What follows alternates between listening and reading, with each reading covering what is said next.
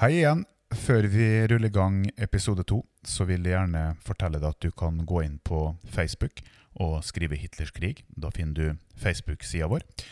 Du kan òg gå på powerstory.no. Vær med i eh, Hitlers krig-quizene, vinne premier og være med og forme hvordan vi lager denne podkasten her. Dette er London. I dager som disse er det sikkert mange i Norge som tenker på Her kommer episode to av to om Reinhard Heydrich. Jeg vet at jeg i denne sendingen når langt utover havet, vestover der det ennå er kveld, Hei, og eh, velkommen tilbake til eh, Hitlers krig, podkastserien om andre verdenskrig.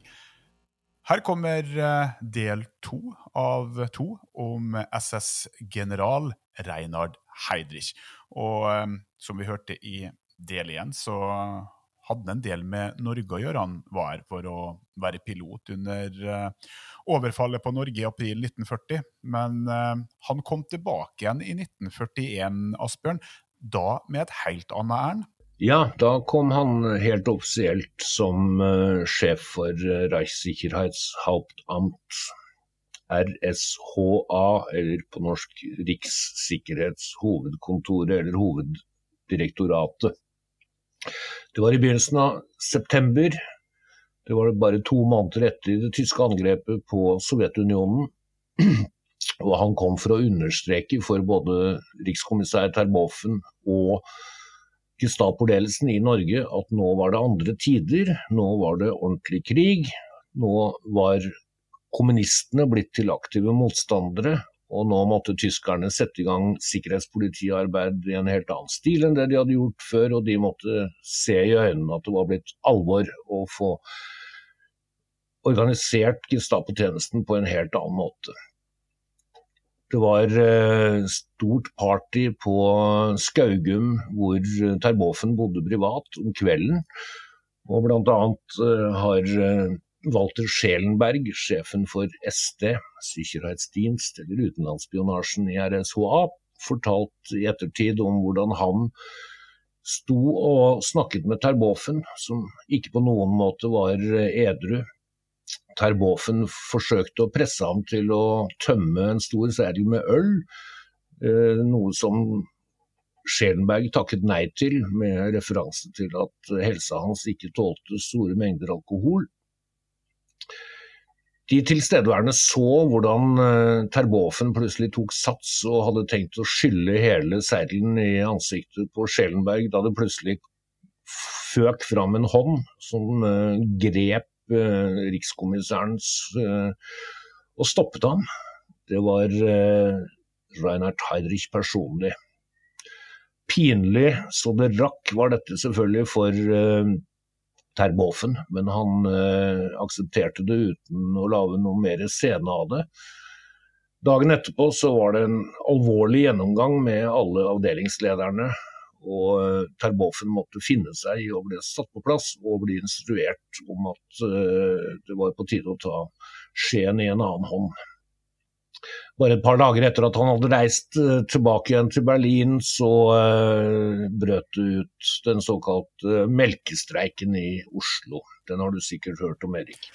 Jeg har hørt om melkestreiken, og den har vært nevnt. og Den blir ofte tatt med i bisetninga, men helt ærlig, hva den gikk ut på, det har jeg aldri satt meg ordentlig inn i. Og nå har jeg vel muligheten, hvis de lener meg tilbake og tar med en supp kaffe og lytter til det du har å fortelle? Ja, nei, det var egentlig ganske banalt. Lærlingene på Aker Mek fikk en halv liter melk utlevert uh, hver dag. Uh, denne dagen kom de på jobben og fikk beskjed om at de ikke fikk noe mer melk. Og for å protestere mot det, så gikk de hjem. Da dette ble kjent på andre bedrifter i Oslo, så reagerte de ansatte der med, på den samme måten, og forlot maskinen og gikk hjem, de også. Nordmennene kan ikke ha vært klar over hva slags risiko det var de da inngikk. Tyskerne slo beinhardt ned på streiken. De som ble antatt ansvarlige, ble arrestert over en lav sko. Mange ble sperret inne på Møllergata 19, fengsel i Oslo. Andre kjørt direkte til Grini, hvor noen av dem ble sittende i ganske lang tid, faktisk. Verst gikk det utover eh, de to uh, hovedtillitsmennene Rolf Wikstrøm og Viggo Hansten. Um, Gestapo mistenkte dem for å være NKP-medlemmer, og hva Hansten angikk, så gikk det til og med rykter om at han uh, i hemmelighet var oberst i Den røde armé. De ble stilt for en uh, standrett en luguber juridisk innretning eh, hvor tyskere både var tiltalere, både var anklagere og forsvarere og dommere, og dømte døden. Og, og bøddel, ikke minst. Og bøddel, ikke minst. Så de ble henrettet den 10. september. En hendelse som uh, virkelig ble lagt merke til i Norge, og som uh, slo ned som en bombe. Og som ble oppfattet som et stort sjokk men eh, nordmennene skjønte nok meldingen at eh, nå var det kommet nye tider til landet, etter at uh, Reinhard Heidrich hadde vært innom en tur, ja. Det her er da høsten 1941, og han har vært i Norge og la oss si stramma opp. Kan oppstramminga i Norge ha vært Eh, det som utløste at eh, Hitler og Himmler ønska at eh, Reinhard Heydrich skulle ta på seg en ny stor oppgave? Han hadde jo bevist som sjef for RSHA, som han fikk etablert i 1938 og bygd opp til en felles institusjon hvor det var kriminalpoliti, etterretningstjeneste, utland etterretningstjeneste, innland, eller sikkerhetspolitiet som vi vil kalle det i dag, og eh, Gestapo, det hemmelige statspolitiet. Dette måtte betraktes som en stor suksess, det arbeidet han hadde gjort da. Og det var helt klart at han var på jakt etter nye og større utfordringer. Eh, det var nok ikke noen stor overraskelse for Heidrich selv da meldinga kom om at eh, Hitler hadde utpekt akkurat ham til å bli såkalt stedfortredende protektor i Bøhmen og Meren, det landet som i dag heter Tsjekkia, og med hovedsete i Praha. Den eh, egentlige protektoren var den tidligere utenriksministeren som hadde vist seg altfor svak i Hitlers øyne i sin omgang med tsjekkerne. Nei, ikke Ribbentrop, men uh, Jeg glemmer alltid hva han heter. Vi skal finne det navnet. Konstantin von Neurath heter han. Den tidligere ministeren Konstantin von Neurath fikk offisielt beholde posisjonen som uh, riksprotektor, men han ble skubbet helt utover sidelinjen. Og all makt i Tsjekkia ble overlatt til uh, Reinhard Heidrich. Han uh, kom til Praha og ble forestilt for sine tsjekkiske samarbeidspartnere. Vi ville vel brukt et norsk familienavn på disse typene om eh, det hadde vært nordmenn vi snakket om. Blant annet så eh, viste de ham rundt eh, på Slottet, borgen på lillesiden i Praha. Og viste fram den tsjekkiske kongekronen da han gjorde tegn til å ville sette den på sitt eget hode, så var det en av tsjekkerne som advarte ham om at det var knyttet en legende til denne kongekronen, nemlig at hvis noen som ikke hadde rett til det, satte den på sitt eget hode, så ville ikke bare vedkommende selv, men også hans eldste sønn dø i løpet av det påfølgende året. I parentes var det nettopp det som kom til å skje, og selvfølgelig så kunne ikke Heidrich styre seg annet enn at han satte kongekronen på hodet. Noe tsjekkerne også la merke til, og som det ble snakket om ute i byen.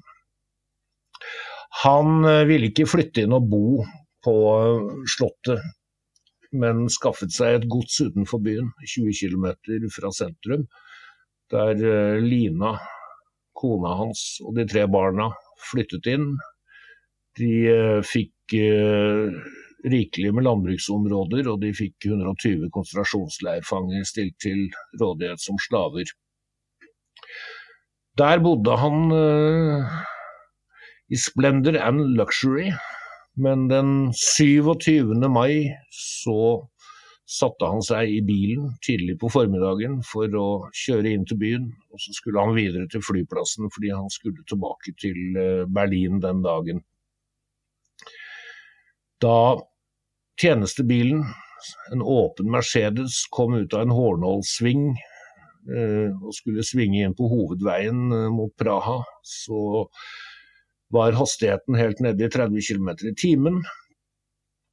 Da dukket det plutselig opp en attentatsmann, en tsjekker som hadde vært i England for å lære dette. Siktet på Heidrich, men stengunnen hans sviktet, og det kom ikke noe skudd. Og det var jo en ganske spesiell grunn til at det skjedde. Kan vi nesten bruke det pun intended-begrepet? Det ble til en ertepistol? Ja, det var det som var katastrofen, at attentatsmannen hadde hatt tørre erter liggende i veska. De hadde gått inn i løpet sånn at eh, han fikk ladehemming pga. det. Det var jo ytterst dilettantisk. Men eh, det var også dilettantisk at eh, Heidrich da ga sjåføren sin ordre om å stoppe. Han skulle selvfølgelig ha fått ham til å kjøre hurtig videre. Ehm, så sjåføren stoppet. Den andre attentatsmannen kom frem og kastet en bombe som landet under det høyre hjulet og detonerte der. Splintene slo igjennom karosseriet og kom igjennom setet på Heidrich sin side, der han sto oppreist.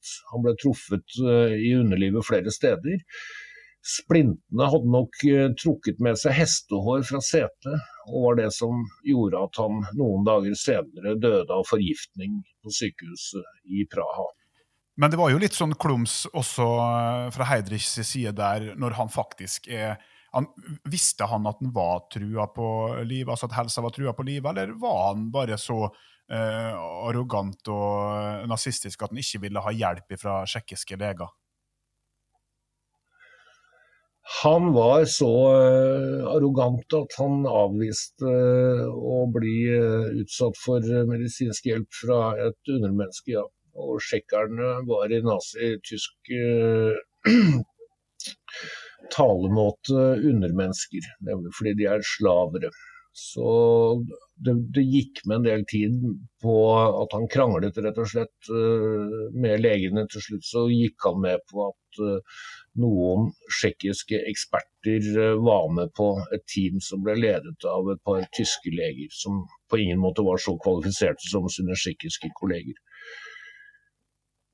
Så han sørga nesten for uh, sin egen eh, død, for med den legevitenskapen en hadde i uh, 1942, så kunne vel han kanskje ha blitt berga hvis han fikk ekspertisen med en gang? Nei, Det er vel antagelig mer tvilsomt om det hadde vært mulig, fordi at hestehårene ble sittende fast i milten hans. Og de hadde ikke antibiotika ennå i 1942, slik at da blodforgiftningen var jo faktum, så hadde faktisk så hadde legene ingenting å hjelpe seg med. Da gikk det den veien høna sparket, og også med Heidrich. Det kunne han ikke overleve.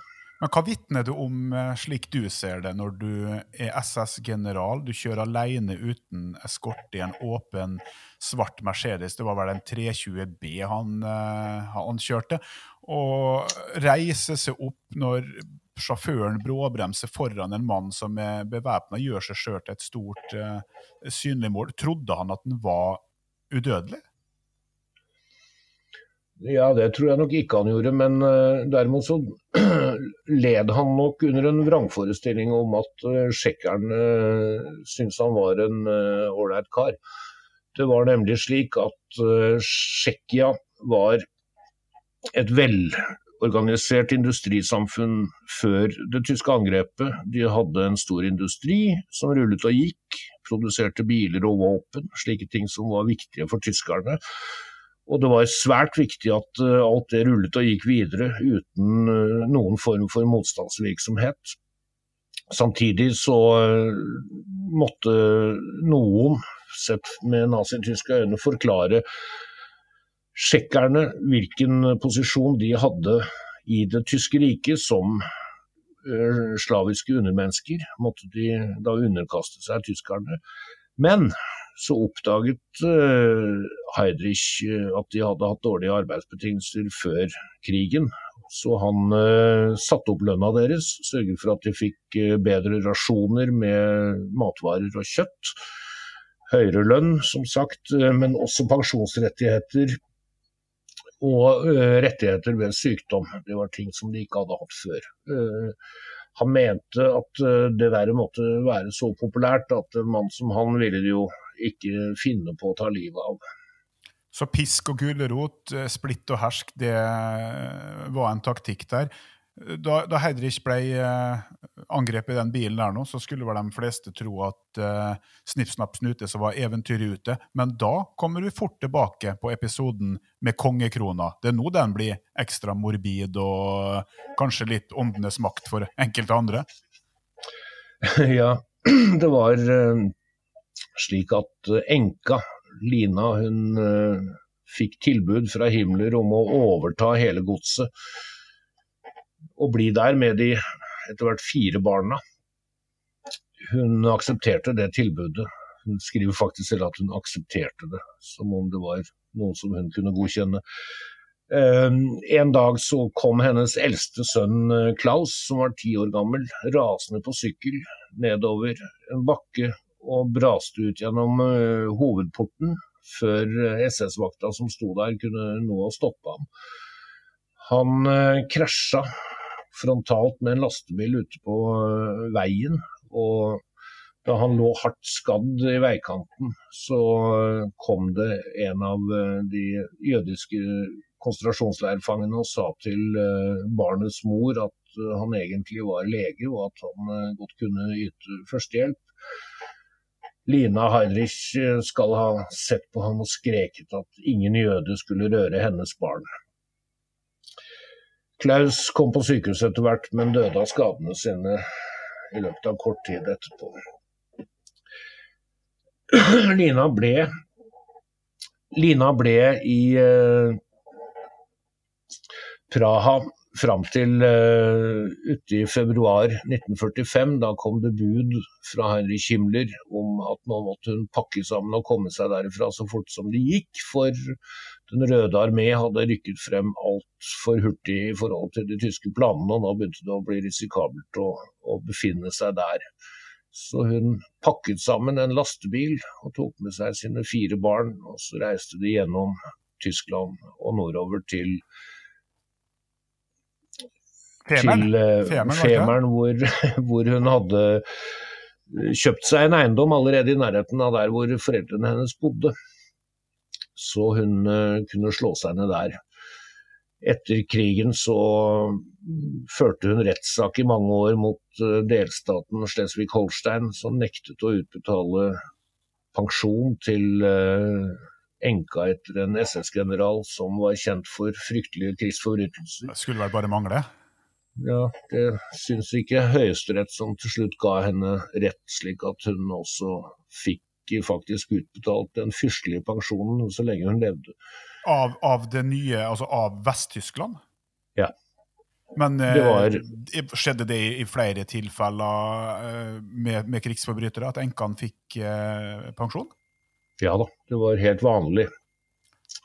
I Berlin så var det et fenomen at så mange av disse høye offiserene som falt under krigen, var unge menn. Og de hadde derfor også unge enker, som eh, da mottok eh, store enkepensjoner og kunne føre et behagelig liv f.eks. i Berlin, hvor de møttes på KDV, på det store varehuset i sjette etasje, i restaurantene der og skålte i champagne hele formiddagen. Og så var de landskjent for at det de snakket om var hvor skrekkelig dårlige tidene var. Hvordan så samtiden, eh, samtiden på at de gikk og heva eh, enkeperson etter sine forbryterske menn? I det vesttyske samfunnet var det alminnelig kjent at uh, de gamle nazistene hadde fått tilbake sine opprinnelige posisjoner stort sett over hele fjøla. Sånn at det var ingen som egentlig hisset seg veldig sterkt opp over det. Det var, det var vanlig. Det var vanlig også. Men sånn som enka etter Heidrich, gjorde hun noen, eh, kapitaliserte hun på å være Heidrich-enke? Skrev hun noen bok, eh, noe biografi, eller holdt foredrag? Eller holdt hun en lav profil eh, resten av sitt liv? Nei da, hun sto fram hver gang det kom forbi en journalist med et kamera og sa dumme ting. Og hun skrev memoarene sine, som er et forferdelig løgnerverk, eh, hvor hun eh, påstår ting og forklarer ting som ikke har noe med sannheten å gjøre. Hun, hun bruker bl.a. mange sider på å bortforklare påstandene om at Heidrich hadde jødiske forfedre. Det var noe av det verste hun hadde vært, opp, vært utsatt for, eh, slikt noe. Så da det første gang eh, kom frem, så ble alt sammen undersøkt, og det viste seg at Heidrichs bestemor hadde vært enke, som giftet seg med en jøde eh, mot slutten av livet, men ham hadde hun ingen barn med. Sånn at dette med det jødiske navnet som eh, hadde oppstått hos bestemoren, det, det hadde ikke noe med Heidrich å gjøre, egentlig, var svaret. Så han forfulgte alle som prøvde å spre sånne rykter om ham, eller som prøvde å lage ubehageligheter for ham i nazihierarkiet. De forfulgte ham med alle midler for å stoppe det. Og Heidrich ble jo også løfta frem i, i ettertida blant uh, nynazister som uh, det som var på en måte en foregangsnazist. Uh, ja,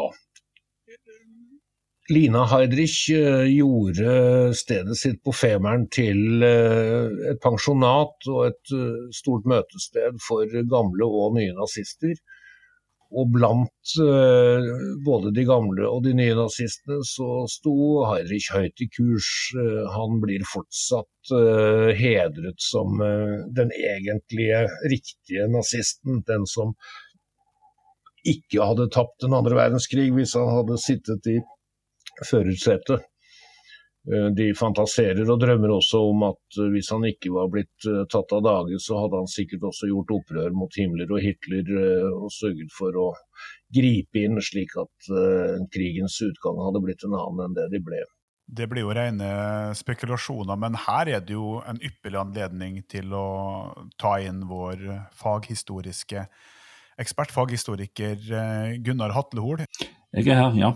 Vi må må nesten bare spørre, da. Hvis uh, Reinhard Heidrich hadde overlevd attentatet, og eventuelt andre kommende attentat, kunne han ha endra historiens gang? Altså, det er jo ikke noe rike i verden som har lidd så knusende nederlag som det eh, Nazi-Tyskland gjorde. Altså, Erobre et så stort område og så kollapse så eh, fullstendig før kampen til nær sagt alt eh, tyskkontrollert område var blitt eh, erobret av fienden. Det må jo samtidig peke, eh, pekes på at eh, Heidrich eh, umulig kunne ha lykkes der hvor Hitler mislyktes, fordi vi må jo ikke glemme at Tyskland sto overfor en koalisjon eh, bestående av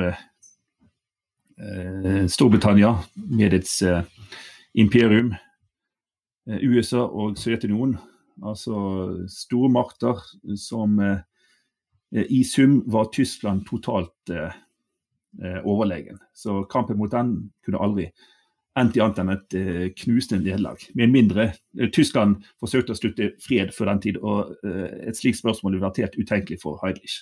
For han gjaldt også kamp til siste slutt. Kamp til siste slutt, sier du. Altså en som absolutt ikke ville gi seg uansett. Han måtte jo vært en enorm ressurs uansett da, for uh, Heinrich Himmler? Jo, uh, Heinrich var en stor ressurs for Himmler. Så for han var det et stort uh, tap. Han var en nøkkelmann i planleggingen av holocaust. I egenskap av å være sjef for Reichssicherheitshauptamt, et av hovedkontorene som var direkte underlagt Himmler det som i alle fall er helt uunngåelig å be deg fortelle om, det er jo aksjonen Heidrich og folkemordet på jødene. Eh, Vi må snakke om holocaust, og vi må snakke om eh, Wannsee-konferansen, Gunnar. Jo, eh, Operasjon Reinhard, eller Reinhardt, som eh, gjerne oftere går under navnet, eh, det var jo eh, en plan om å utrydde eh, jødene i det tysk-okkuperte Polen. Så til det formålet så ble det eh, opprettet eh, fire utrydelsesleirer. Belzec, eh, Treblinka, Sobebor og Majdanek. Som alle var kommet i drift i løpet av sommeren 1942.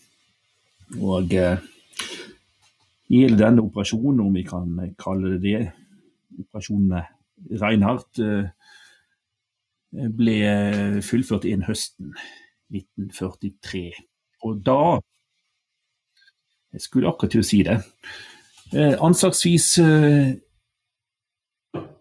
1,8 eh, millioner jøder, eh, kanskje oppimot eh, 1,9 millioner, har blitt eh, tatt av dage, eh, gasset, innen eh, eh, operasjonen Reinhardt var blitt eh, avsluttet. Og etter den tid så ble eh, den kombinerte eh, konsentrasjonsleiren og utrydelsesleiren Auschwitz ansett for å ha tilstrekkelig kapasitet til å kunne ta livet av de gjenværende jødene på eh, tysk-kontrollert territorium.